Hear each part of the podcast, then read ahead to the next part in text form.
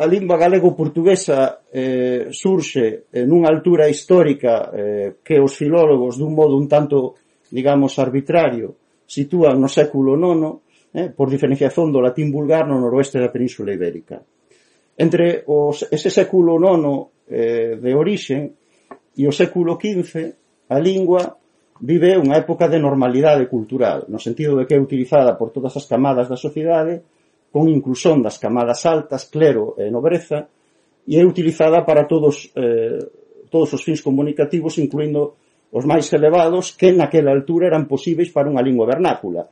Mas lembremos que, naturalmente, eses usos non incluirían pois aqueles reservados ao latín como eh, unha lingua, pois, eh, unha interlingua de facto eh, para usos científicos ou eh, para, eh, en fin, usos eh, religiosos, etc. Mas, entón, eh, entre o século IX e o XV o galego vive unha vida eh, de normalidade e aínda de plenitude cultural, porque lembremos eh, o caso eh, da eh, lírica galego-portuguesa medieval. Eh, neste período de normalidade, Ferxeiro Mato, por exemplo, fala de normalidade e conflito. O período inicial de normalidade entre o século IX e o XV apresenta eh, un acontecimento que, en principio, non vai ter repercusións lingüísticas ou culturais, mas que, andando o tempo, se revelará eh, determinante, trascendental, e que é que no século XII se produz unha segregación política, segregación política eh, do, do condado eh, de, Portu, de Portugal a respeito do reino da Galiza. Eh, o condado de Portugal rein, eh, tornase reino independente e isto, en principio, non vai determinar unha eh, cesura lingüística, mas andando o tempo será transcendental. Ben, eh, no fin do século XV sabemos que se produce unha catástrofe política eh, sociocultural na Galiza porque eh, as clases altas galegas definitivamente perden o seu poder eh, fica, eh, fica o país submetido ao imperio de Castela eh, da raíña Isabel de Castela e entón eh, o galego a partir de entón o galego portugués na Galiza perde o cultivo escrito e os usos formais e fica confinado eh, na fala coloquial e rústica, digamos, eh, en cuanto que eh, digamos que no, no, na frazón meridional do dominio lingüístico o que virá a ser o norte de eh, Portugal que se estende coa reconquista para sul, que se vai estendendo para sul, a lingua eh, coñece eh, unha vida eh, plena eh, eh, prodúcese un enriquecimento expresivo eh, e mesmo eh, andando o tempo eh, haberá unha expansión extraibérica eh, da lingua para outros continentes. Eh, entón, a partir do século XVI, na Galiza eh, resístase ese, ese eh, confinamento do galego eh, nos ámbitos eh, coloquiais e afastamento da escrita. E, por tanto, comezan a incidir sobre o léxico unha serie de procesos eh, degradativos eh, que xa non deixarán de actuar até o momento presente. Entón, o libro pasa en revista os diferentes procesos de degradación lexical e os seus efeitos sobre o léxico actual. E, ao mesmo tempo, eh, o libro analiza as atitudes que os axentes codificadores oficialistas autorizados polo poder político teñen mostrado ao longo destes 40 anos, destes últimos 40 anos, frente a cada un deses procesos de degradación lexical. E esas atitudes, eh, eh, infelizmente, non son de carácter en xeral regenerador, como veremos. Eh, son antes atitudes de inhibición perante a degradación e mesmo de intervención despropositada que en algúns casos mesmo agrava os procesos de degradación lexical. Ben, para eh, ofrecer aquí unha síntese, por un lado, dos procesos de degradación lexical e, por outro lado, das atitudes non regeneradoras que perante eses mostran os axentes codificadores oficialistas, voume basear sobre todo nun exemplo eh, un exemplo eh, que tirei un pouco da miña formación como zoólogo e que é a designación eh, dos ofidios eh, ou serpentes ou cobras. Eh, esta, eh, este exemplo, como veredes, eh, vai actuar como un fío conductor que nos vai permitir sucesivamente ir, eh, ir analizando os diferentes procesos de degradación lexical. Aquí teño tres eh, fotografías de tres especies de cobras que viven na Galiza. A palabra cobra é unha bella palabra galego-portuguesa cuxa primeira abonazón escrita é do século XIII e que se mantén viva até a actualidade nos falares espontáneos eh, sobre todo nos rurais en falares espontáneos aínda non totalmente degradados eh, é unha palabra de orixe latina do latín colubra hm? e eh, o seu cognado, quer dizer, a súa palabra eh, aparentada en castellano é culebra. Bon. Entón, eh, o primeiro proceso de degradación lexical que imos considerar, e o primeiro que trata o libro, é a variación xeográfica sen padronización.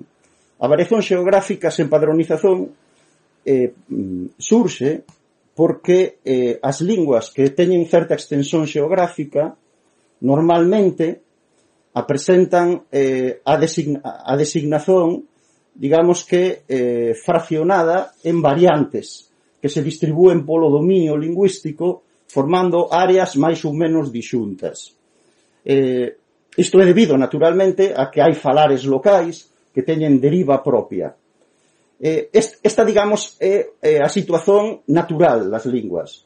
Ora ben, as linguas eh, que teñen eh, experimentado un proceso de, eh, digamos, de codificación normal, un, un proceso de eh, de regulación eh, históric, históricamente eh, ben refreada esta eh, dispersión designativa eh, nos usos formais eh, porque para os usos formais nas linguas normalizadas eh, funciona eh, un modelo unificado de léxico, é o que podemos chamar un padrón lexical.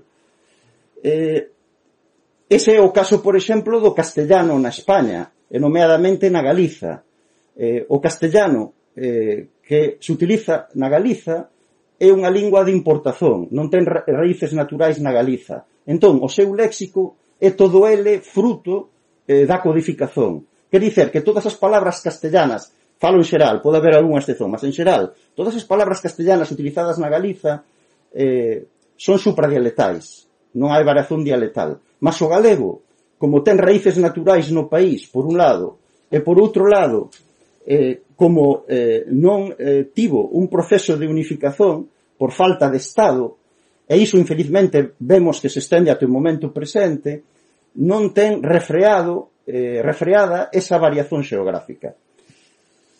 Entón, eh, recorrendo ao exemplo eh, das cobras, vemos que eu utilizo a, eh, a forma cobra, mas eh, a forma cobra non é a única que se resista nos falares galegos. Dependendo da rexión, Alén de cobra, rexistamos cóbrega, crova e quiobra. Eh, no, isto é importante. En Portugal e no Brasil hai unha forma supradialetal consagrada que é a que se utiliza en todos os ámbitos formais que é cobra, que vemos que coincide cunha das variantes galegas. Isto vai ser importante. Eh, a variación xeográfica do léxico eh, coñece dúas modalidades Por un lado temos a desagregación isoetimolóxica, que significa simplemente que a partir dun primitivo elemento lexical por deriva dos falares locais se produce unha dispersión, de modo que a partir do, do, do elemento lexical orixinal temos variantes a 1, a 2, a 3, a 4, a 5, etc. Eh, iso en territorio galego. No territorio portugués ou luso brasileiro, como eh, desde o século XVI hai unha hai unha estatalización e hai unha regulación do, da lingua, hai un cultivo literario e escrito ininterrupto, entón, eh, algunha das variantes ficou consagrada como supradialectal e, e outras ou non surxiron ou se surxiron están hoxe claramente eh, marcadas como dialectais, como regionais, no esquema A minúsculo 2. Entón, eh, eh, ese, ese proceso de unificación é o que aínda falta por facer no léxico galego. Eh? Vexamos máis dous exemplos desta desagregación isoetimolóxica para denotar unha árbore eh, moito frecuente no país eh, que medra a beira dos ríos eh, segundo as zonas da Galiza temos as denominacións Aveneiro, Ameneiro ou Amieiro aquí tamén é interesante ver que eh, no ámbito luso brasileiro, a forma supradialectal consagrada coincide cunha das variantes galegas, a mieiro. Outro exemplo, outra árbore, a famosa árbore de casca branca. Segundo as zonas da Galiza temos a bedugo, a bidueira, a vida, lobido, bidueiro e aínda outras variantes que non puxen para simplificar. Tamén, neste caso, temos que a, a forma supradialectal uso brasileira, bidueiro, coincide cunha das variantes xeográficas galegas. Ben, Unha segunda modalidade de variación xeográfica sen padronización é a persistencia pluritimolóxica. Neste caso, na orixe, hai máis dun elemento lexical, máis dun étimo, e o que acontece é que na Galiza, por falta de regulación, todos eses elementos eh, originarios eh, persisten até o momento presente, originando, por tanto, unha dispersión designativa. En cuanto que no ámbito luso brasileiro, como acontecía no caso anterior, algún deles desaparecerá por, como fruto da unificación estatal, e algúns outros eh, fica un consagrado como supradeltal e se callar algún outro eh, sobrevive máis claramente marcado como dialectal ou regional.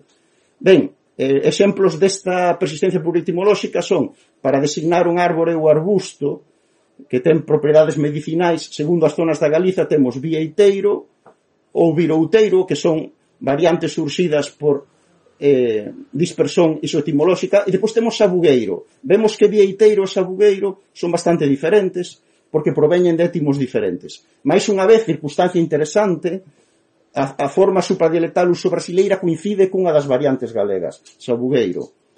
Para designar a abertura nunha parede, temos, segundo as zonas da Galiza, fiestra, xanela, xinela.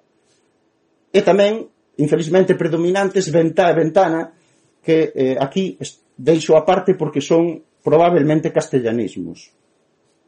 No ámbito luso brasileiro a forma supradialectal é xanela, que coincide máis unha vez cunha das variantes xeográficas galegas.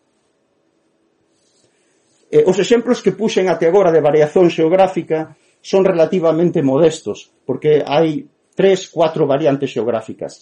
Mas eh, deben ter en conta que hai millares de casos de, deste tipo de variación xeográfica e entre eses millares hai bastantes que son verdadeiramente complicados. Por exemplo, para designar este grupo de escarabellos, que os agricultores coñecen moito ben, porque son beneficiosos, comen pulgós, segundo as zonas da Galiza, hai eh, unha enormidade de variantes que proveñen de étimos diferentes unhas, outros do mesmo étimo.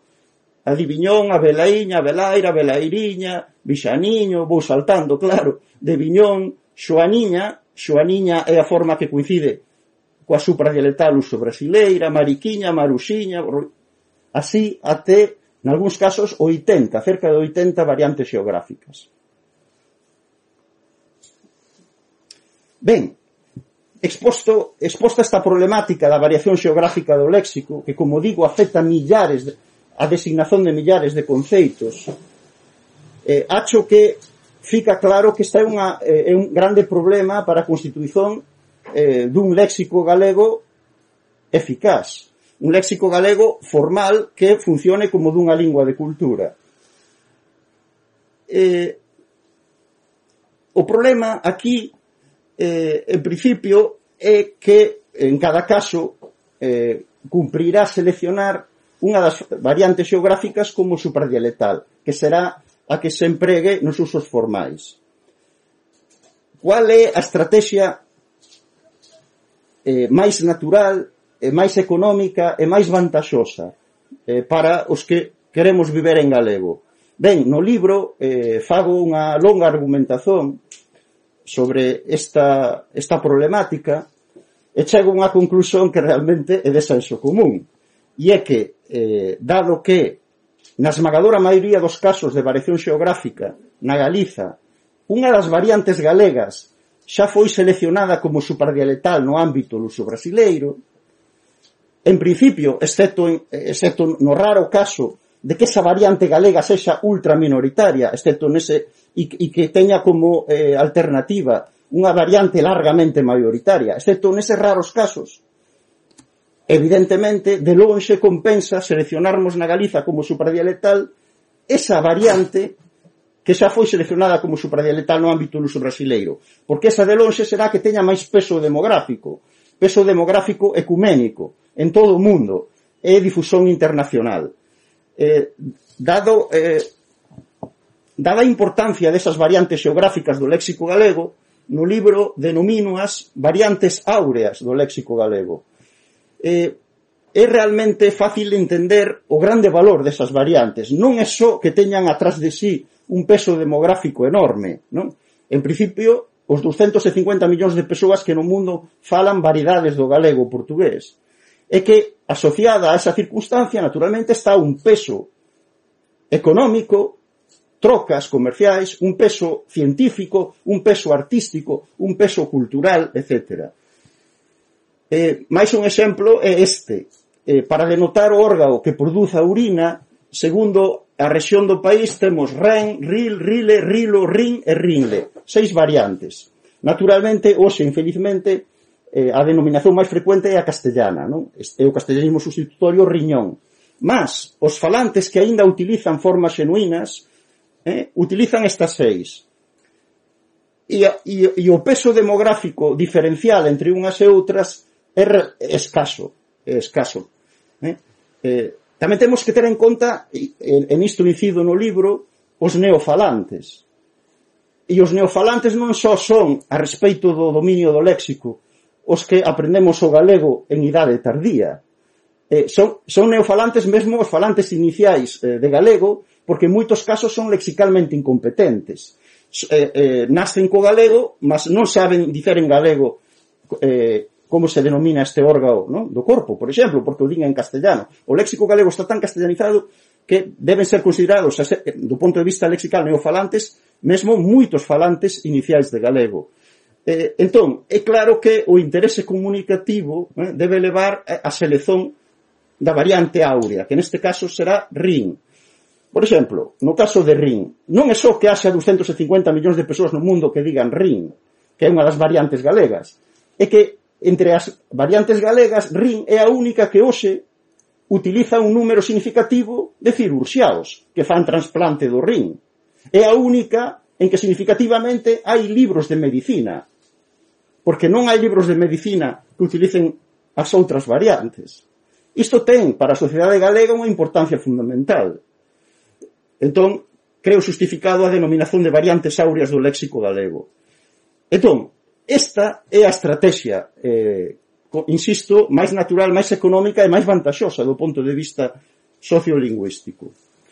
Eh, como o libro aprofunda bastante, eh, tamén eh, menciono o, o caso, mas é excepcional, eh, do, doutra posibilidade, que é que, en algúns casos, en uso brasileiro, en vez de se seleccionar unha das variantes geográficas como supradialectal, o que foi feito eh, foi habilitar por vía erudita unha forma supradialetal. Por exemplo, para denotar a larva acuática das ras e dos sapos, tanto na Galiza como en Portugal concorre un grande número de variantes xeográficas populares. Aquí puxen algunhas, mas hai moitas máis. O que, o que foi feito no ámbito luso brasileiro non é seleccionar ningunha das variantes, é que os zoólogos, por vía erudita, habilitaron xirino, que ven do latín.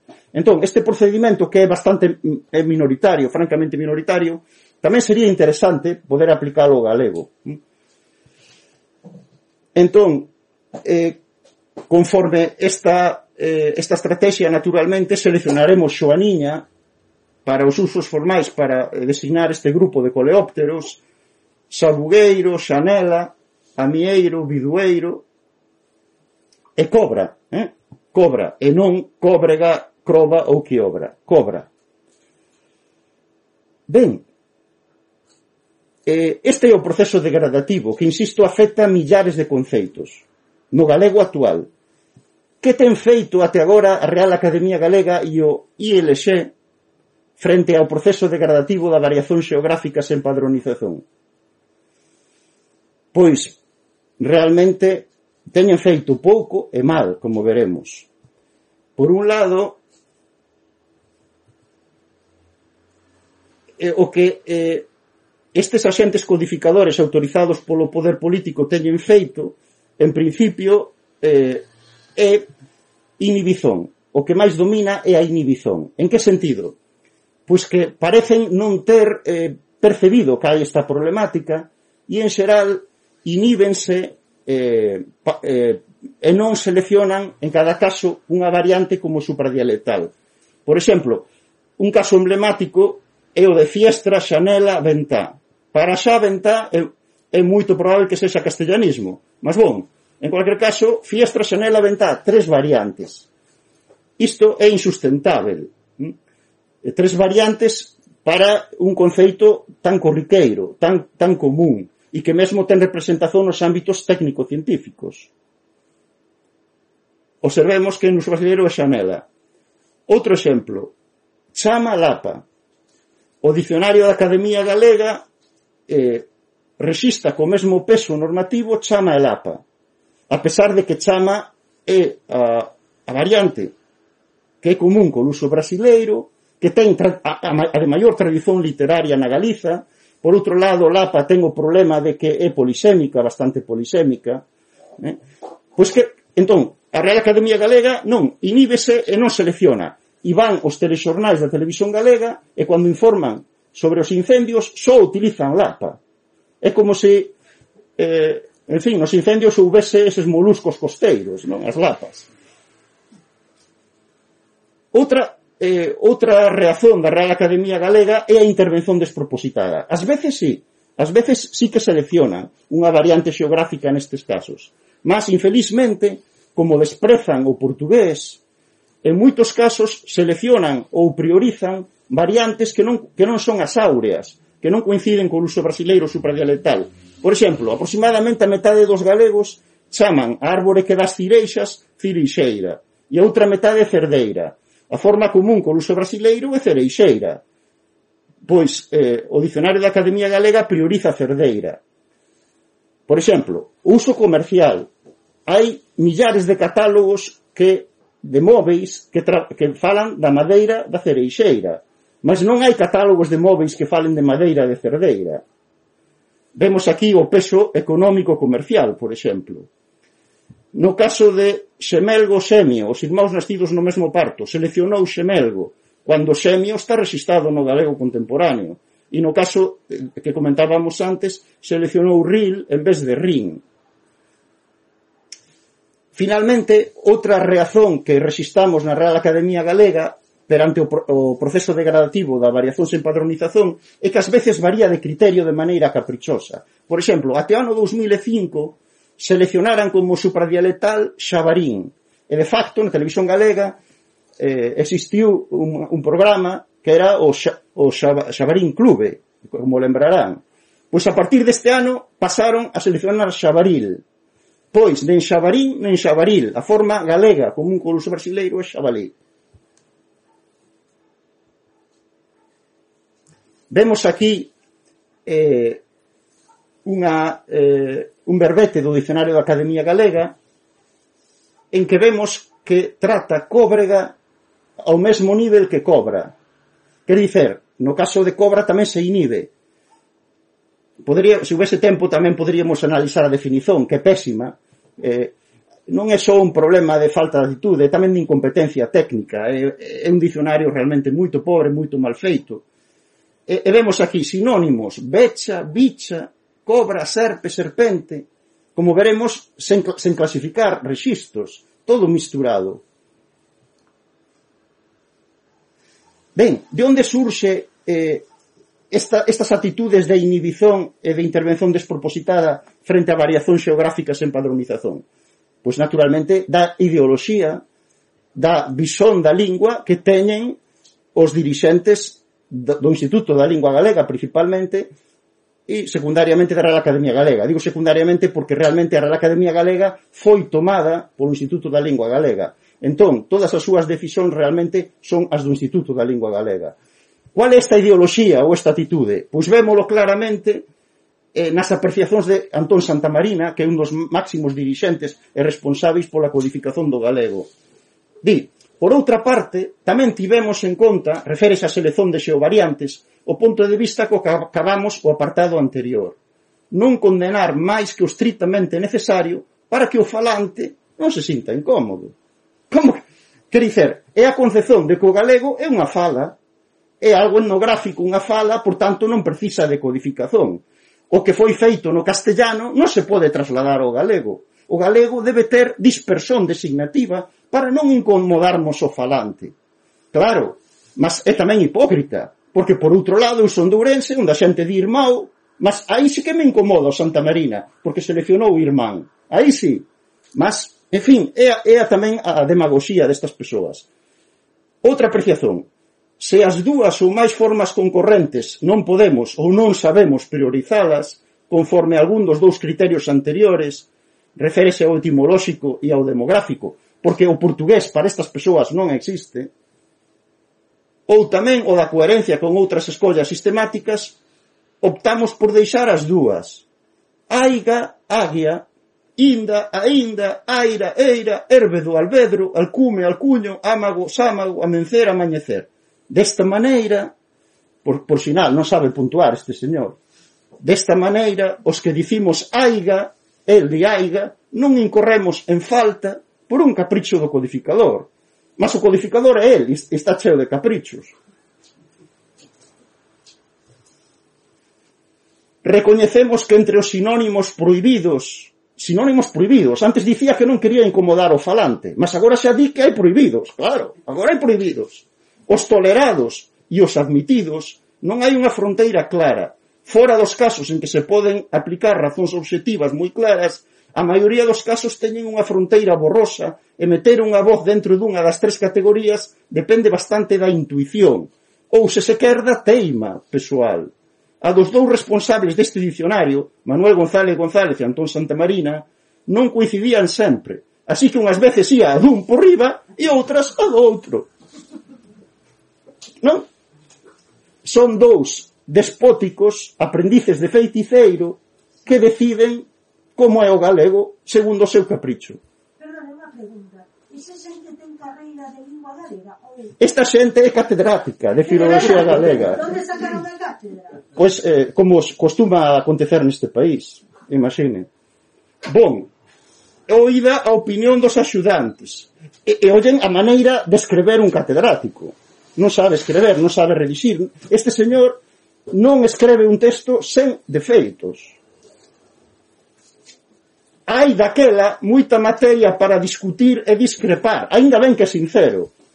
A parte das incoherencias e erros e disparates que puidesemos, mal acentuado, cometer, que non serán poucos. Quer dizer, eles propios recoñecen que é unha atrapallada o que fan. Mas eles son as autoridades unxidas polo poder político a que temos que obedecer, segundo eles. Eh, agora fala eh, dunha planta que é a dedaleira, que sen dúbida coñecerán, a digitalis purpúrea. Este é un dos casos de maior dispersión designativa. Hai cerca de 80 variantes xeográficas.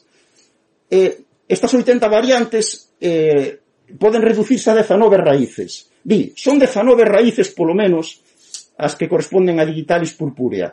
Ainda así, un pouco a vista da súa distribución xeográfica pola documentación literaria, e se cadra por preferencias persoais, quedaron reducidas a seguintes sete formas.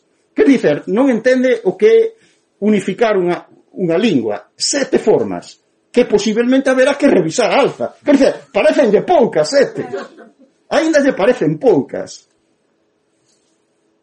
Quer dizer, este señor non fai idea do que é a lingua formal, unha lingua de cultura. Bon, eh, encerro o capítulo da variación xeográfica do léxico cun exemplo eh, moito gráfico de co como realmente eh, ten eh, repercusión social. Este é o rótulo dun iogurte eh, que comprei na superficie Eroski que rotula nas cuatro linguas oficiais do Estado. Entón, en catalán, aquí hai un catalán, eh, poderá certificar isto, temos que a fruta é a maduxa, e é o normal, maduxa aquí unha ducha aquí, na ficha nutricional. En castellano, naturalmente, fresa no cabezallo e fresa na ficha nutricional. Mas observemos o galego. No cabezallo temos sabor morangos, na ficha nutricional, amorodo. Evidentemente, aquí hai un problema. Unha vez puxen un exercicio de traducción aos alumnos tiña que traducir un conto de Julio Cortázar do castellano para galego. Entón, eh, neste conto a, aparece un trecho que di «Y el viajero se apoyó cortésmente contra la ventanilla del avión. Para restituir ventanilla, os alumnos utilizaron seis formas diferentes. Uns puxeron xanela, outros xaneliña, outros fiestra, outros fiestriña, outros ventá, outros ventaniña. Evidentemente, aquí temos un problema. Bon, Outro proceso de degradación lexical, a variación diafásica sen padronización. Neste caso, eh, falamos dos registros de uso.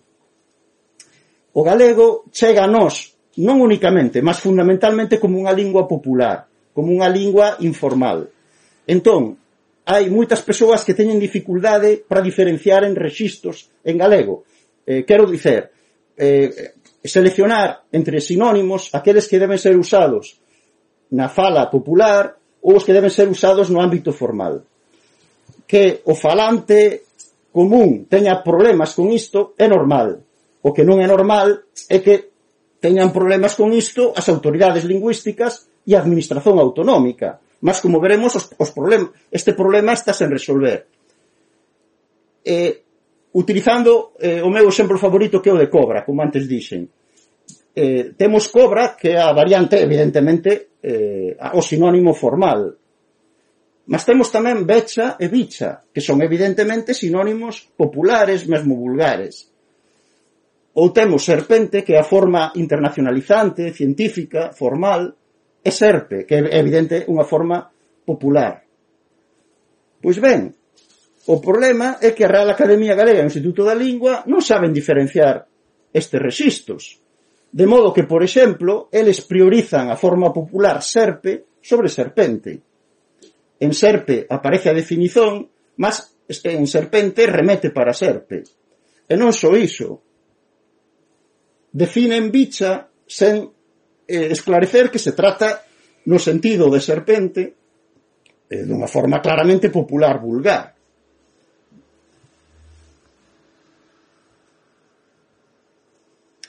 E esta problemática esténdese naturalmente a, a moit, moitos outros casos. Por exemplo, sabemos que nos telexornais eh, de televisión española e nos noticiarios da Radio Galega, cando falan de economía, normalmente falan de cartos.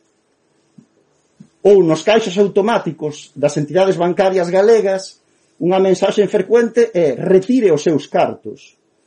Isto é inconcebível. Isto equivale a que en televisión española, nas noticias de tema económico, dixesen cuartos en vez de dinero ou pasta. Sería inconcebível. Mas iso está a acontecer nos medios públicos da, de comunicación galegos. Outro exemplo, urina ou uriños. Ouriños que funcionalmente equivale ao castellano orines, é evidentemente unha palabra popular e mesmo vulgar. A forma culta científica é urina. Pois ben, hai eh, enciclopedias e dicionarios galegos que só utilizan ouriños. Quer dizer, procuramos, por exemplo, o artigo da Enciclopedia Galega Universal eh, RIL e di que produz ouriños. E os Sergas, na ficha, nas fichas médicas de comunicación cos pacientes, fala de análise de ouriños. Insisto, isto como é en castellano, puxese análise de orines en vez de orina.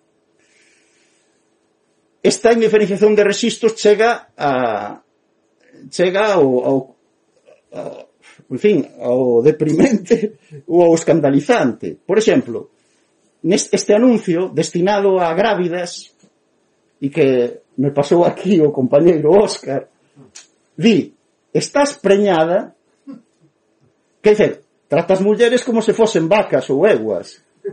Isto está na onda na onda de que non hai diferenciación de registros. Non? Eh, aquí tamén debo de, debo conceder que aquí os, o castellano tamén non é libre de pecado, porque nos hospitais eh, españois frecuentemente aparece paritorio. Ali onde en Portugal di sala de partos, en España últimamente o que se ve é paritorio, como se ali parisen as vacas, non?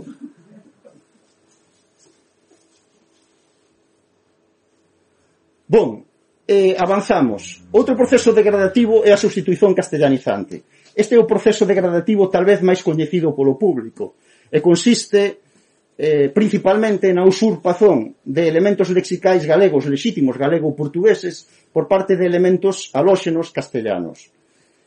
Eh, a usurpación eh, pode afectar o significante ou o significado das palabras. Aquí vemos exemplos eh, que tanxen ao, signific ao significante.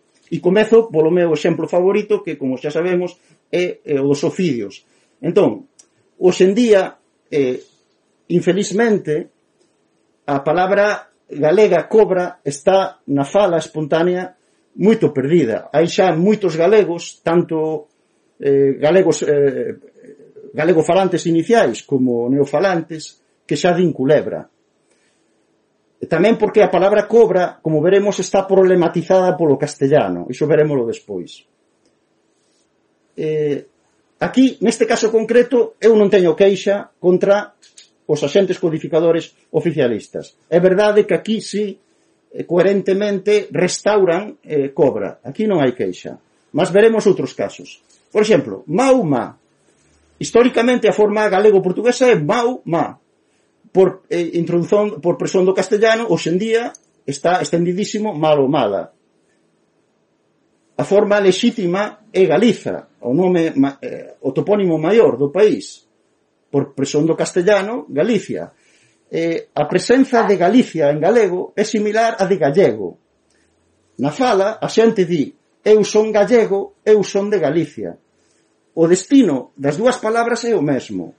O problema é a reazón do oficialismo perante as dúas, porque, por un lado, o oficialismo restaurou felizmente galego mas non restaurou aínda en plenitude a única forma lexítima que é Galiza, porque sabemos que despois dunha luita trabada eh, polo nacionalismo galego, por fin a Real Academia Galega admitiu Galiza, mas claro, xunto con Galicia, e Galicia é a única forma que promove o poder político. Igualmente fai con Maumá, o dicionario da Real Academia Galega aceita Maumá, mas secundarízao, o que promove realmente é a Eh, son eh, os castellanismos sustitutorios malo ou mala.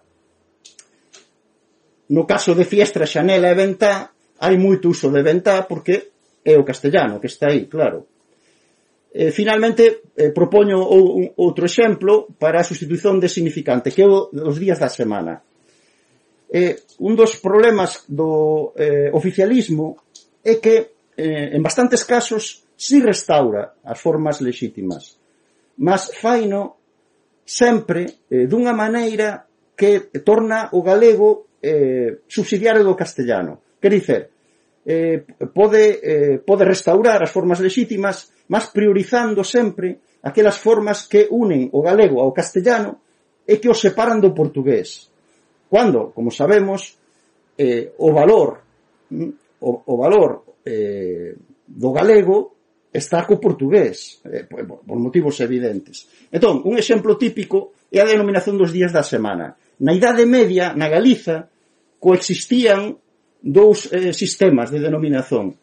Eh, o baseado nas divindades pagás, luns, martes, mércores, xoves, venres, sábado e domingo, que é o máis extendido na Europa, é eh, un sistema novidoso que foi introducido por un reformador religioso, Martiño de Dume, no ámbito galego-portugués, e que se basea que o primeiro día da semana e o último son os días sagrados da tradición xudaico-cristá, domingo e sábado, e os días mediais son, defini son eh, designados por un ordinal e a palabra feira, que ven do latín ferian, que significa día. De segunda feira a sexta feira.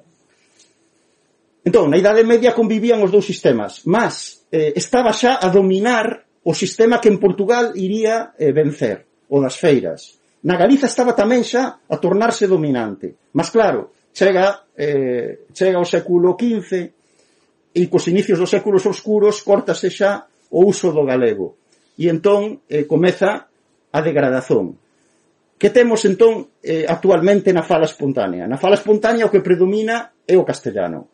Foi, foron prácticamente barridos os nomes eh, tradicionais galego-portugueses. Mas aínda se conservan eh, os restos, tanto do sistema pagao como do sistema eh, galego-portugués eh, das feiras. Que fai a Real Academia Galega? Pois sí, no seu dicionario recupera o das feiras, mas o único eh, sistema que, que fomenta é o, é o común co castellano, o de luz, martes, mércores e xoves. Isto é moito significativo. Outra modalidade de substitución castellanizante é a de significado. Aquí o que fica usurpado é a esfera semántica. Aceite, tradicionalmente, en galego portugués, designa só o óleo feito a partir das aceitonas, das olivas. Mas, en castellano, aceite designa todos os óleos. Entón, por presión do castellano, en galego, aceite tamén pasa a significar óleo en xeral. Eh? eh este tipo de, este tipo de sustituición en xeral non é recoñecido eh, polo oficialismo e entón aquí pois eh, o que eh, aparece nos dicionarios oficialistas sempre é a usurpación castellana. Ben, eh, fago agora unha incursión sociolingüística. Antes dicía que felizmente o oficialismo si restaurou eh, cobra e expurga cule, culebra. Mas eh, quero mostrar unha das faces do fracaso do oficialismo. E cando digo oficialismo non só me refiro agora aos axentes codificadores, tamén a administración autonómica eh, que, deberí, que, que ten por finalidade en principio declarada a normalización do galego ou a súa promoción. No ano eh, académico 2013-2014 pasei un inquérito aos meus alumnos de traducción inglés-galego da Universidade de Vigo eh, un inquérito lexical para verificar até que ponto coñecen o léxico galego. Son alumnos que traballan co galego como lingua de chegada. Pois ben, unha das preguntas do inquérito era a seguinte. Menciona un sinónimo común, non científico, da palabra galega serpente ou serpe. Pois ben, só 20% responderon correctamente cobra, só 20%. Quer dizer, 80% non sabían dicer cobra. Así, 15 alumnos responderon en branco, 11 alumnos culebra. E xa dous alumnos víbora e un alumno escáncer que son semánticamente descabidas. Só 20% sabía cobra. Imaginen que só nunha turma de 40 alumnos, en castellano, só 20% soubesen dicer culebra ou serpiente. Este é o bilingüismo armónico que proclama a administración. Este é o suceso do sistema educativo. Continuamos cos oficios que dan moito xogo. E para, eh, para vos apresentar un outro proceso degradativo que chamaremos de erosón, mm, quero que reparedes nesta víbora. Esta é unha víbora. Eh, na Idade Media eh, existía a palabra áspide, que ven do grego. Eh, o primei, a primeira abonazón en galego-portugués da palabra áspide é do século XIV. Na Idade Media, as áspides eran fundamentalmente as víboras, porque áspide significa cobra venenosa. En Europa, as cobras venenosas son fundamentalmente as víboras. A palabra áspide é culta. Eh, a palabra cobra é popular, mas áspide é culta, é literaria, é mesmo científica. Entón, eh, no fin do século XV, o galego perde o cultivo escrito e perde os usos formais. Entón, todas as palabras que atentón entesourara eh, eh, que eran palabras cultas, literarias e científicas, deixaron de ter uso, porque o galego, a partir do século XVI, sobrevive na aldea, En aldeia aldea non son necesarias palabras cultas, nen literarias, nen científicas. Entón, eh, Áspide di, dicemos que sofreu erosón eh, na, na idade moderna e xa non chega naturalmente a nós na fala espontánea, porque é unha palabra culta. Entón, erosón é o proceso degradativo que consiste en que na Galiza, a partir do século XVI, desaparecen todas as palabras cultas que existían no galego medieval. Quer dicer que se existía unha palabra culta A na Idade Media, a partir do século XVI desaparece e xa non vai chegar a nós nesta altura na fala espontánea. En cuanto que, naturalmente, no ámbito luso brasileiro, cun cultivo eh, ininterrupto, esas palabras cultas galego-portuguesas medievais chegan á actualidade. O que acontece na Galiza é que, ao gañar usos formais, eh, infelizmente, en moitos casos, estas lacunas eh, que deixa a Aerosón son preenchidas por castellanismos. Iso é o que chamamos a suplencia castellanizante. O castellano supre as lacunas determinadas no léxico galego pola Aerosón. Entón, eh, Aerosón afecta palabras eh, lexicais e palabras gramaticais. Vexamos algún exemplo. O de áspide. Eh, áspide, felizmente, é restaurada polo Dicionario da Academia Galega Mas, infelizmente, non é o caso de moitas outras palabras erudidas. Por exemplo, na Idade Media, como sinónimo oculto de rabo, o rabo dos animais, existía cauda. A primeira bonazón é do século XIV. Cando o galego perde os usos cultos, esquecese a palabra cauda. E agora, eh, que queremos reintroducir o galego en ámbitos de, de cultura, a maior parte da xente recorre ao castellano e utiliza cola, porque castellano O sinónimo oculto de rabo é cola. Dicemos entón que cola é un castellanismo suplente, que ven suprir a lacuna que en galego deixou a erosón de cauda. No ámbito luso brasileiro, naturalmente, persiste cauda e hoxe é palabra normal. Que fai o dicionario da Real Academia Galega nestes casos? Pois en moitos casos non restaura as palabras e, e deixa o castellanismo, como é o caso de cola, ou disfarza o castellanismo. Na Idade Media dicese conteúdos, eh, hoxe a Real Academia Galega pois inventou contido, que é unha adaptación do castellano. Ou portaxen, que se utiliza nas autoestradas portuguesas, a portaxen. Era palabra galega na Idade Media, sofreu erosón e hoxe, pois a xente o di o, a, o peaje en castellano ou, como que era a Academia Galega, disimula e di a peaxe, que non deixa de ser un castellanismo. Outros, noutros casos sí que, sí que restaurou, restaurou taxa, felizmente, taxa sí, Mas a maior parte, na maior parte dos casos non. Eh, eh, no caso, o caso das palabras gramaticais é curioso, porque, por exemplo, cuxo, cuxa, cuxos, cuxas, é unha palabra culta. Entón desapareceu a partir eh, do inicio dos séculos oscuros. A Real Academia Galega até 2003 dicía que utilizarmos en galego cuxo, cuxa, cuxos, cuxas era ou luxismo ou ar, eh, arcaísmo. Ora, en xullo de 2003, coa última reforma, xa pasaron a aceitalo. Eh, en fin, isto é inapresentável. En xuño de 2003 era luxismo. En xullo xa non. Eh, a SAS eh, incorporou na Real Academia Galega a suxestón dun meu aluno. Eu explicaba nas aulas o caso de Asás e un aluno dixo, ah, e por que non lle dicemos a Real Academia Galega, profesor? E dixen, bon, non teño moita fe, mas dillo. E olla, dixo yo e admitírono, grazas a este aluno. Quer dizer, eh, o que vemos tamén é moita incompetencia da parte destes codificadores. Eh, o caso de cativo é moito curioso. Cativo significa preso, eh, privado de liberdade. Aí temos cativeiro. É unha bella palabra galego-portuguesa abonada pola primeira vez no século XIII. Como é unha palabra culta, a partir do 16 perde uso na Galiza no seu sentido propio, mas sobrevive en sentidos populares eh, no sentido de que algo é mau, de, de baixa cualidade, é cativo, ou eh, dialectalmente no sentido eh, dun neno. Os cativos son os nenos. En xeral, designa unha realidade menor ou de baixa cualidade, porque claro, cativo preso é a, é a orixe. Mas observen eh, que dialectalmente os nenos, as crianzas, se sean chamados cativos, pois pode estar ben, dialectalmente. Mas é normal que isto se estenda a lingua formal a lingua padrón? E, pois evidentemente non. Imaginen que en castellano os nenos fosen chamados cautivos. Sería posible? Sería imposible. Eh, entón, só se explica que a Real Academia Galega fomente o uso de cativo co sentido de neno porque realmente non queren eh, recuperar o sentido propio de cativo que é preso.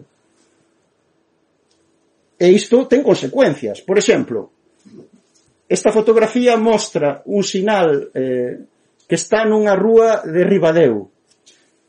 Eh, quer, o que quer transmitir este sinal é que esta é unha zona, hai que ter cuidado porque é unha zona eh, infantil, é unha zona eh, de crianzas, de nenos, unha zona de pequenos, de miúdos. Para dicer iso di, zona cativa. Eh, Como? A zona está presa. Insisto, iso é se, como en castellano, se en castellano puxese zona cautiva. Pensaríamos que, que esa zona está sob o dominio dun exército.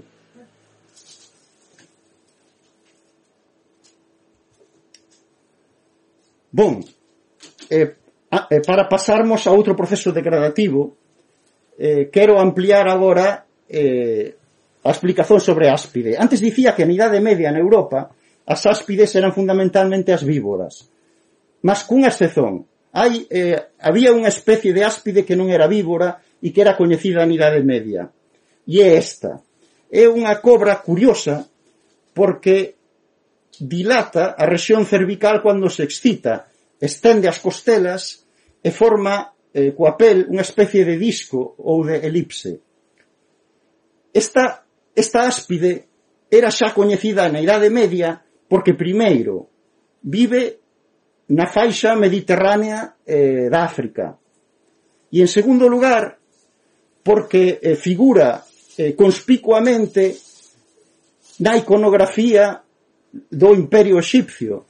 Eh, por exemplo, no diadema dos faraós eh, surxe esta áspide que se chama técnicamente ureus porque eh, se sustenta sobre a cauda e é unha áspide apotropaica, quer dicer, que representa unha deidade que afuxenta eh, as maldizóns. É unha, eh, por tanto, é curioso, non? É unha visión positiva da serpente. Está amplamente representada na arte egipcia e tamén figura eh, na, nunha lenda que atribúe a picada dese tipo de áspide que matou a raíña Cleópatra. Eh, esta é unha lenda que últimamente foi obxeto de investigación e parece ser que non é posible.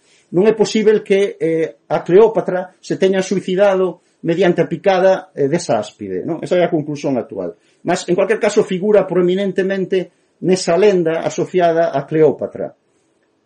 Entón, esa, esa áspide siquera era coñecida e non era unha víbora. Mas, en xeral, ese grupo de serpentes que dilatan a rexión cervical cando se excitan eran moi pouco coñecidas na Europa na Idade Media, moi pouco coñecidas.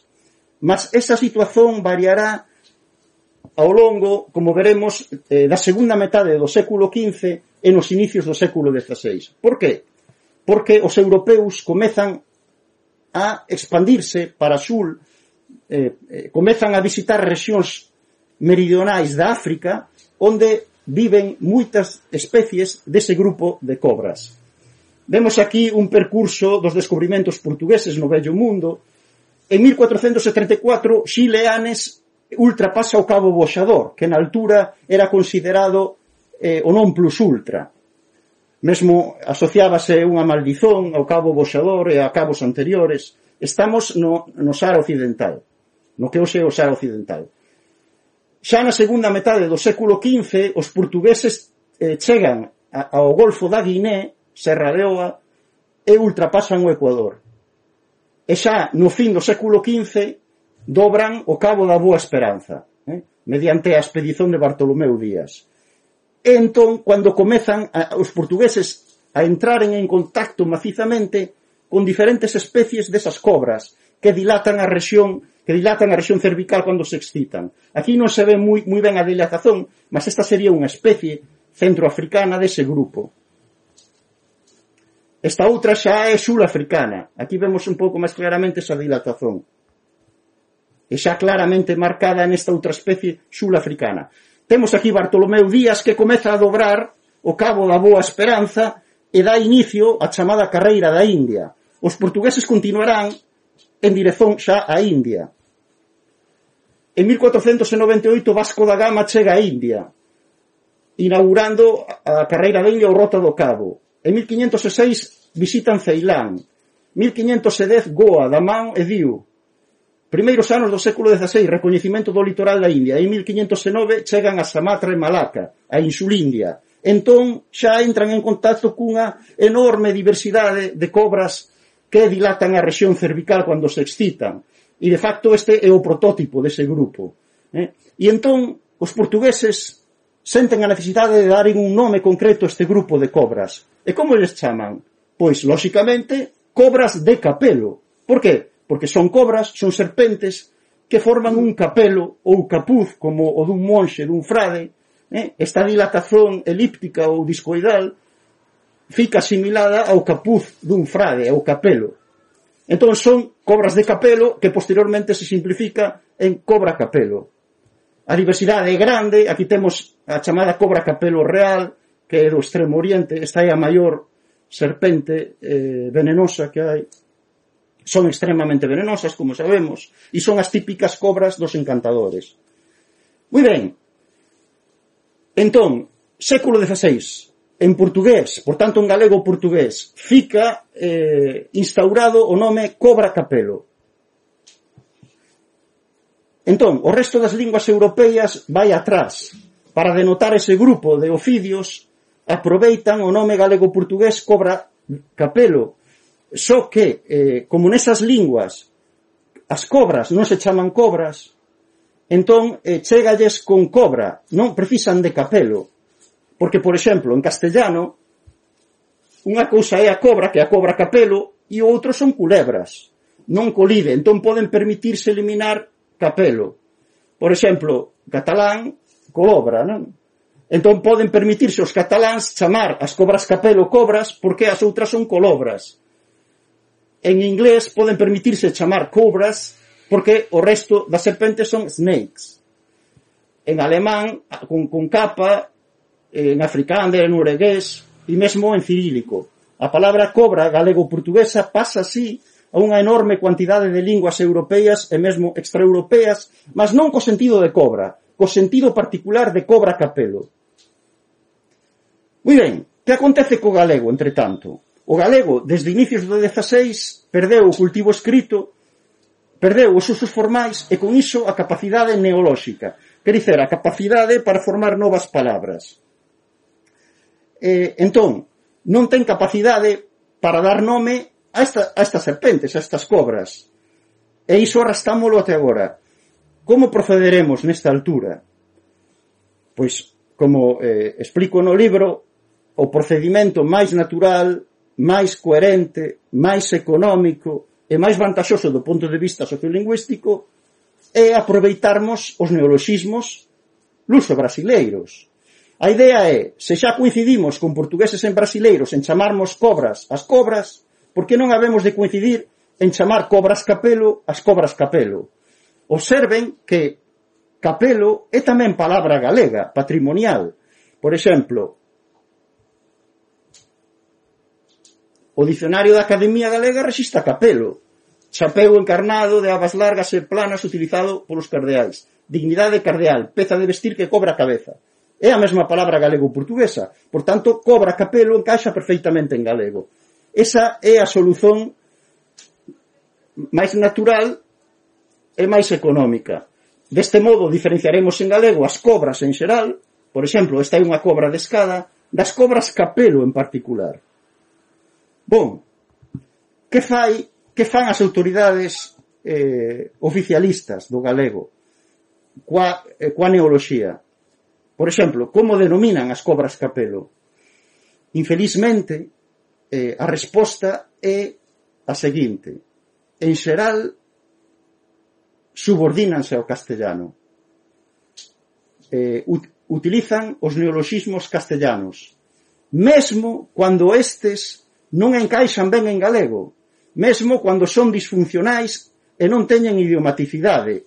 Un exemplo sangrante é este, precisamente. Porque como chama a Real Academia as cobras capelo? Cobras. Chámalle cobras. En cobra, primeiro vemos a definición de serpente, sí, mas como segunda cezón, serpe grande e velenosa das rexións cálidas de África e Asia, que se caracteriza por poder dilatar as costelas anteriores. Pésimamente revisida esta definición, porque non dilata as costelas, o que dilata é a pel, as costelas o que fai é estendelas. Bon, un encantador de cobras. Quer dizer, isto é como se en castellano, en vez de cobra, dixesen culebra. Quer dizer, que chamasen as cobras capelo culebras. Evidentemente non funciona. Deste modo, se dicemos no galego da Real Academia Galega o neno foi mordido por unha cobra, será grave. Non é o mesmo unha, unha, unha cobra das que viven aquí, unha cobra rateira, que son totalmente inofensivas que unha cobra capelo, que é extremamente venenosa. As cobras son cobras moi perigosas. É posible isto. Apuntamento sociolingüístico. No inquérito que pasei aos alumnos preguntei como se denominan en galego as cobras extremamente venenosas propias de rexións tropicais de Asia e de África, que dilatan a pele do pescozo cando se alarman, e son as típicas cobras dos encantadores, ningún alumno soubo responder, claro, non sabe responder a Real Academia Galega, ningún alumno. 28 en branco, tres alumnos cóbrega, mas cóbrega é unha variante xeográfica de cobra, tres alumnos pitón, un alumno víbora. Isto é unha lingua de cultura. Non saben denominar o grupo que pertencen as cobras dos encantadores. Este é un libro de galego que usou o meu sobrinho. Neste exemplo di, a cobra é unha cóbrega moi venenosa. A cobra é unha cóbrega moi venenosa, quer dizer, dous, dúas, dúas variantes xeográficas para denotar dúas cousas diferentes.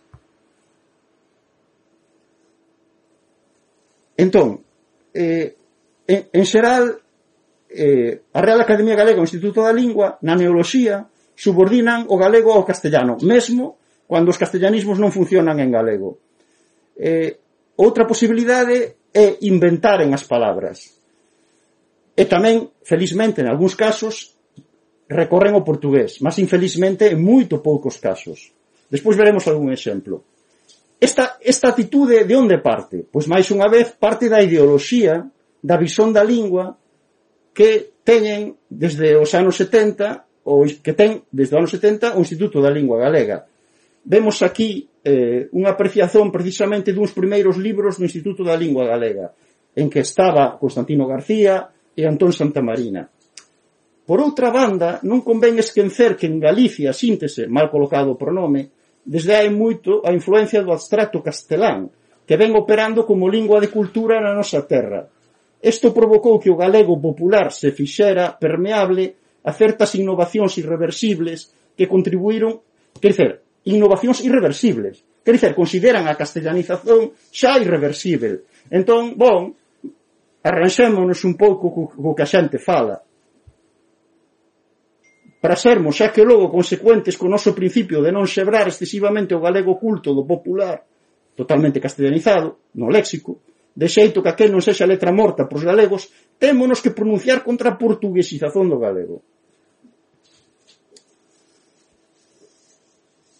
Depois di, eh, Antón Santamarina, eh, di que optan optan por non recorrer moito ao portugués. Di, optamos por esta segunda estrategia porque é máis realista. Optar pola primeira, quer dicer, coordenarse co portugués, obrigaría a retirar da circulación palabras que son galegas des, das orixes, aceptar os castelanismos que ten o portugués, un preconceito moito extendido, que o, o portugués está cheio de castelanismos. Non nos ven no galego, mas venos no portugués. Bon, e aínda máis, converter o galego para os galegos case nunha segunda lingua que só se podería dominar por unha aprendizaxe escolar longa.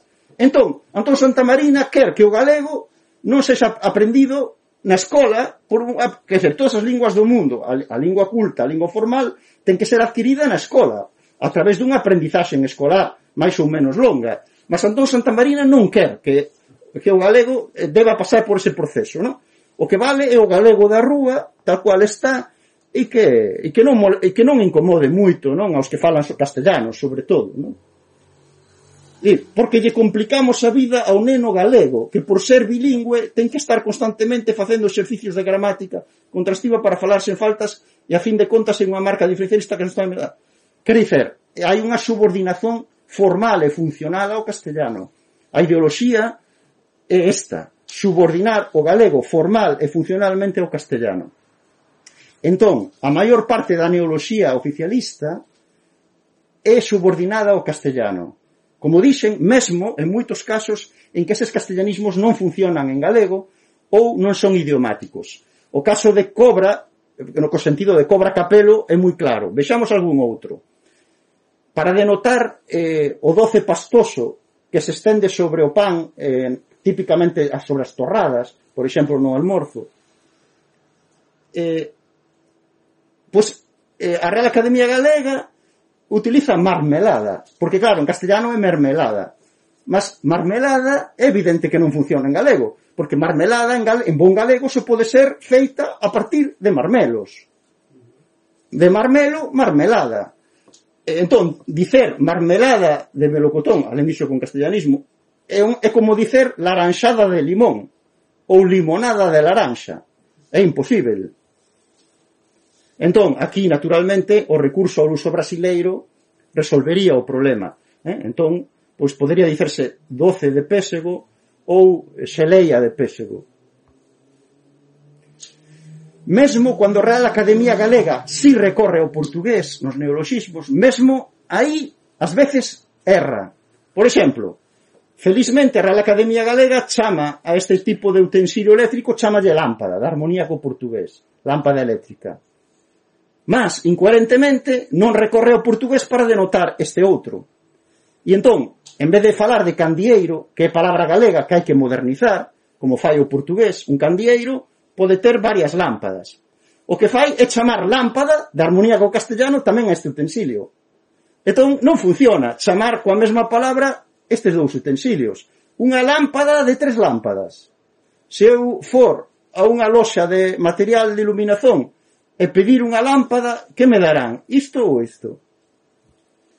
Observen até que ponto isto é disfuncional. Este é un cartaz eh, dunha grande superficie eh, sediada en Santiago de Compostela dedicada a material de bricolaxen Os cartaces están rotulados en galego e en castellano para indicar as diferentes seccións. Vexamos en castellano. Esta sección F3 é dedicada a lámparas e bombillas. Enténdese? Vexamos en galego. Lámpadas, lámpadas. Isto é normal. Isto evidentemente é fruto da, eh, digamos, da hipnose, eh, porque non cabe outra, da hipnose do dicionario da Real Academia Galega, que xerce, como está no dicionario así, teñen que opor así, porque total, evidentemente, o único que funciona na Galiza como lingua social real é o castellano. E non pode ser de outra maneira, porque eh, se de repente desaparecese o castellano, todo o edificio social ruiría porque o galego non está codificado para funcionar como lingua nacional. Iso é evidente. Ao renunciaren a condición internacional do galego, están a renunciar a súa condición nacional. Eh, dicía antes que eh, na maior parte dos casos os neoloxismos da Real Academia Galega e Instituto da Lingua son os castellanos, mas con algunhas excepcións. Ás veces, para disimularen un pouco, inventan as palabras. Entón, eh, por exemplo, eh, para denotar o grupo dos tubaróns, e eu utilizo a palabra eh, luso brasileira, naturalmente, os tubaróns, o que fixeron foi eh, de, redefinir a palabra popular galega quenlla ou quella. Na fala, quella ou quenlla denota unha especie particular de tubarón que, de facto, está moi presente na lota de Vigo, é unha especie que os zoólogos chaman priona que glauca, que tamén se pode chamar tintureira. Entón, na fala, tamén en Portugal, quenlla ou quella denota esta especie concreta. Entón, a Real Academia Galega o que fixo foi ampliarlle artificiosamente o significado para que designe todos os tubaróns. Pois ben, esa solución é disfuncional, porque se a zoóloga vai proferir unha palestra subordinada ao título de adaptacións evolutivas das quenllas, como sabe o público se esas adaptacións evolutivas son, en particular, as da tintureira ou de todo o grupo dos tubaróns? Non funciona. Outro invento para este e alimento feito a partir do millo e que de armonía co uso brasileiro en galego debemos chamar pipocas, inventaron flocos de millo. Este invento é disfuncional tamén. Por que? Porque evidentemente os flocos de millo teñen que ser este outro alimento, que, que, que é os cornflakes do inglés, eh? que se toma con leite típicamente no almorzo. E de facto, outra vez recorro ao Eroski, os meus cornflakes do Eroski, rotulados en galego, poñen flocos de millo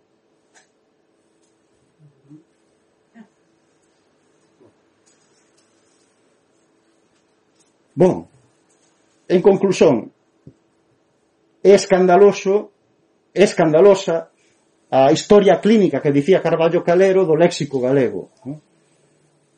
Mas, podemos dicer que en maior medida é escandalosa a atitude que perante esa degradación lexical mostran as autoridades codificadoras autorizadas polo poder político ou a Real Academia Galega o Instituto da Lingua Galega porque, eh, por un lado, non están a rexenerar como debían o léxico galego e, por outro lado, ao afastalo do portugués de maneira de facto artificiosa e gratuita, o que fan é frustraren a, actualidade, a actualización de imensas potencialidades comunicativas.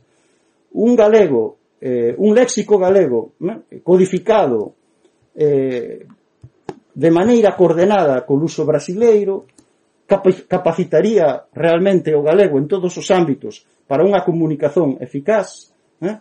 que lle permitiría realmente tornarse en lingua de cultura, en lingua nacional e mesmo, como sabemos, en lingua internacional. Entón, debemos preguntarnos que programa ¿eh? que programa está atrás eh, desta frase codificadora ou pseudocodificadora eh, do oficialismo lingüístico.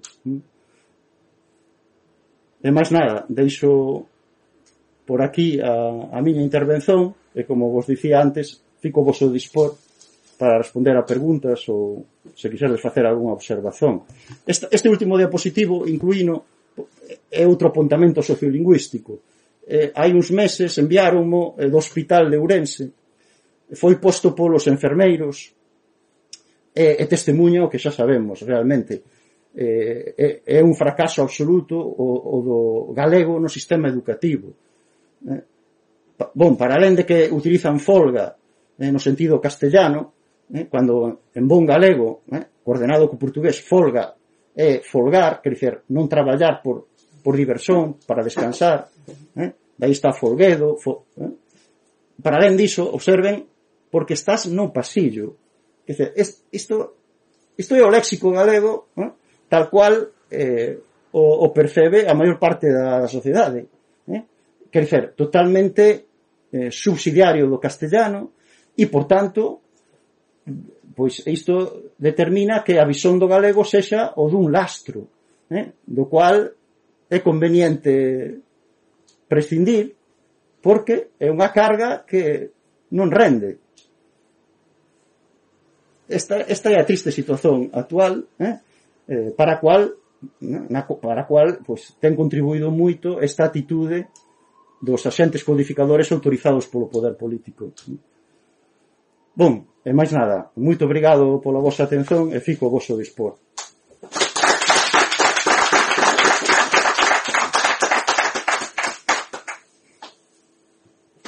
Sí. Unha pregunta, mira, eu estudio historia, E resulta que ahora xa hai historiadores galegos que eh, recoñecen que Galicia foi un reino e que Asturias nunca o foi. Pero hai publicacións que, que se mercan nas, libre, en las bibliotecas que hai por aquí que hai, hai unha en concreto que desperta ferro que ainda admite que había o reino de Asturias e a batalla de Covadonga. Ollo, que estamos falando dunha batalla que nunca foi, pero ollo, e que na batalla de Covadonga apareceu Santiago Apóstol montado nun cabalo branco e loitou contra os musulmáns. Entón, oye, Xa, hai moita deturpación histórica...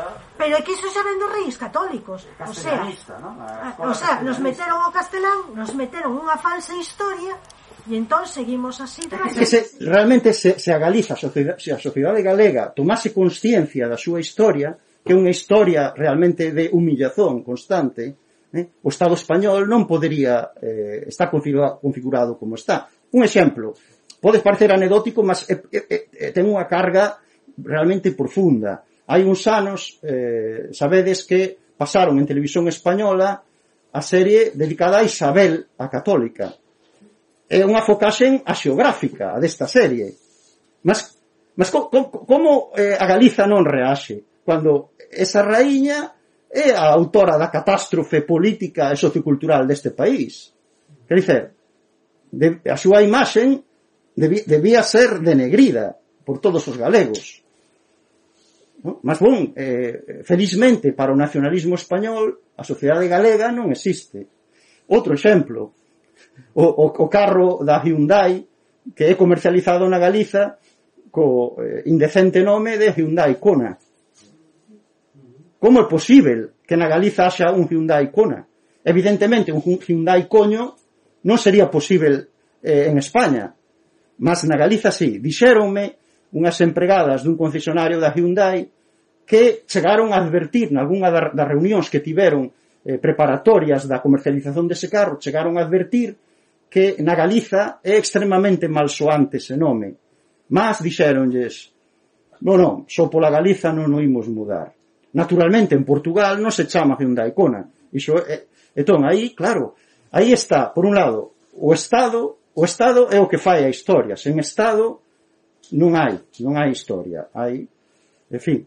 E despois, eh, aínda sen Estado, se a Galiza tivese consciencia de si, sí, evidentemente non, non, non surgirían casos como este. Eu moito dubido que se en vez de Cona fose Coña, que creo, que que catalán se di Coña, moito dubido que os cataláns eh, non pudesen evitar iso. Non?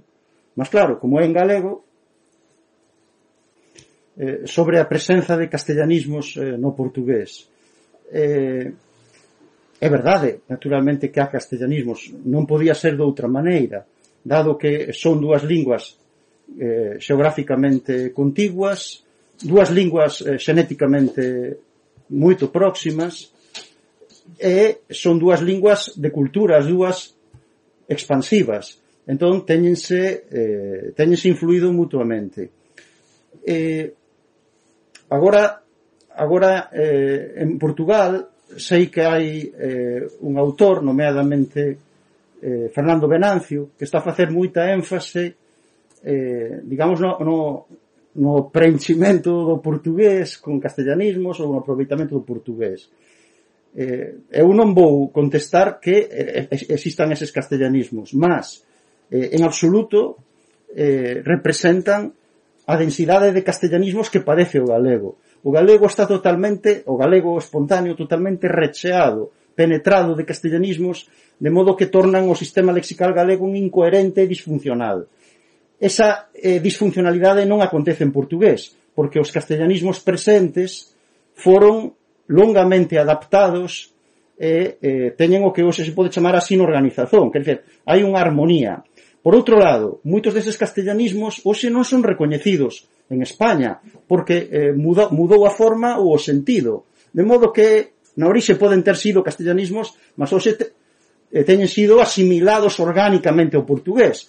Por exemplo, si eh, baunilla, baunilla vende vainilla, mas baunilla mudou xa algo a forma O problema do galego é que temos os castellanismos puros aquí e, e en enxurradas, chegan enxurradas e distorcen, distorcen eh, o sistema. En, port en portugués non, están ben integrados. Eh, depois, eh, hai moitos castellanismos que en portugués mudaron o sentido original ou non teñen o sentido do castellano. Eh, eh, pois, por exemplo, o ladrillo, o ladrillo portugués non é, non é o ladrillo español, porque o ladrillo español é tixolo. Eh, de acordo? eh, o propio galego popular ten castellanismos que son lexítimos. Eu no libro identifico eh, ese, ese estrato que chamo de castellanismos basilares, como lagartixa, como bonito, eh, son castellanismos que están desde as orixes, ben integrados, eses non teñen problema. O problema é a enxurrada posterior que, que comeza no século XVI e que, insisto, que torna disfuncional e incoherente o léxico galego. Bon, segunda pregunta, eh, acho que era sobre unha valorización do dialectal. Naturalmente, eu non podo negar que en, en portugués tamén existe variación xeográfica, xa o dixen, e, e, e dialectalismos e regionalismos. Mas o importante é que o portugués, polo menos en Portugal, como lingua de cultura, como lingua estatal mesmo, eh, como lingua codificada, eh, ten claramente definido un padrón lexical, de maneira que iso, eh, digamos, eh, torna eficaz a comunicación. Mas non en todo o contexto lusófono e aquí hai eh, conflito. Non, non, claro, hai diferenzas, de, hai, porque hai un padrón brasileiro, un padrón lusitano, eh, mas evidentemente existen regionalismos con efeito. E, e unha cousa curiosa, ou, ou bon, interesante, é que eh, nun padrón lexical galego en elaboración Algúns deses dialectalismos do norte de Portugal fan parte do padrón galego. Por exemplo, un exemplo que, eh, que para, mí, para mí é moito bonito é Carabuña. No, eh, na Comisión Lingüística da Asociación de Estudos Galegos eh, eh, definimos de, ma de maneira, bon, polo menos inicial, o que pode ser o padrón lexical galego. Aí entra Carabuña, que designa eh, moitos falares galegos o núcleo de frut, eh, núcleo duro, endurecido, de frutos como o pésego ou a cireixa. Pois ben, no padrón de Portugal non é carabuña, é eh, carozo. Chamase carozo. Mas no norte de Portugal tamén usan carabuña, de acordo? Eh, mas claro, eh, o importante é que eh, o, o portugués da medicina, por exemplo, está unificado. Entón, eh, mesmo un portugués do norte que habitualmente use carabuña, para se referir a ese núcleo, mas se escreve sobre o cancro da mama, dirá que as mulleres teñen que apalpar os seios a, a procura dun, non dirá carabuña, dun carozo, que é unha metáfora, mas que provén do campo dos frutos. Eh, iso é o que falta en galego.